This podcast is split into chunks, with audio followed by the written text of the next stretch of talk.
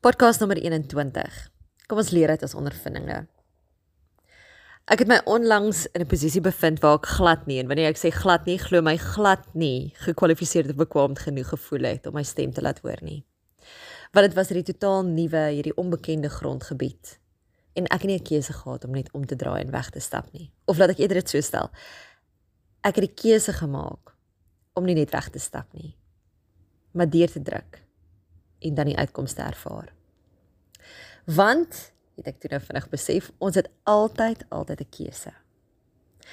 Nou kom ek vra vir jou so, het jy al ooit byvoorbeeld na werk gesoek net om uit te vind dat al die poste waarna jy belangstel vorige ondervinding vereis?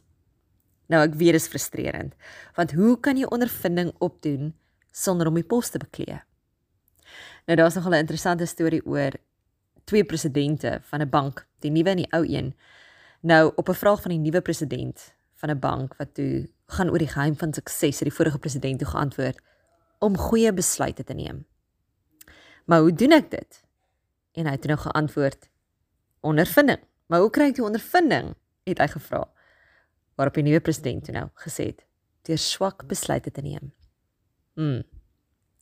Jy weet, vir my is dit so duidelik God is op soek na hierdie ervare kinders van God, die ervare helpers. En wanneer jy vir hom werk, dan gebruik hy al jou ondervindinge. Dit maak nie saak hoe smartlik dit is nie. Hy beskou dit as skoolgeld. Maar ons praat so maklik oor ondervinding. In teenstelling met wat jy miskien nou gehoor het, is ondervinding vir my nie die beste leermeester nie, maar geëvalueerde ondervinding is.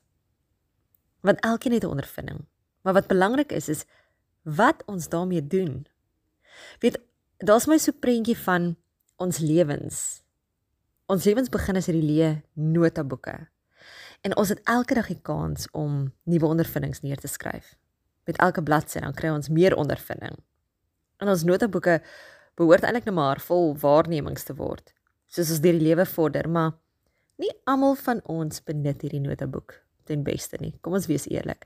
Sommige maak maar selde hierdie notaboek oop om iets neer te skryf. Anders skryf bladsye vol maar het nooit die tyd om te lees of te oordink en so sodoende dan nou meer wysheid te kry nie. Ek dink sommige kry dit egter reg om nie alleenlik 'n rekord van die lewe te maak nie, maar ook dit te oordink. Want daai nabetragting, oh man, dit word insig. Sodat ons nie net die ondervinding beleef nie, maar ook daaruit kan leer. Ek dink ons almal ken die mense met baie kennis maar met min begrip. Hulle het die vermoë, maar besef nie die betekenis van enigiets nie. So wat is die probleem op die einde van die dag? Weet hulle lewensondervinding bevat geen nabetragting en waardebepalings nie. En wanneer 25 jaar verloop het en hulle nie 25 jaar se ondervinding het nie, maar slegs 1 jaar se ondervinding 25 keer oor en oor en oor. Dit is wanneer ek nie noodwendig daai selfde foute wil maak nie. Weet om 'n 'n goeie werknemer, 'n wenner, 'n leermeester te wees, moet jy ondervinding en wysheid omskakel. In ek dink baie keer is dit om jou spoed te verminder. Want wysheid word met verloop van tyd opgedoen, nie net so oornag nie. So boor diep. Die skat is wel daar maar jy moet delf om dit te vind.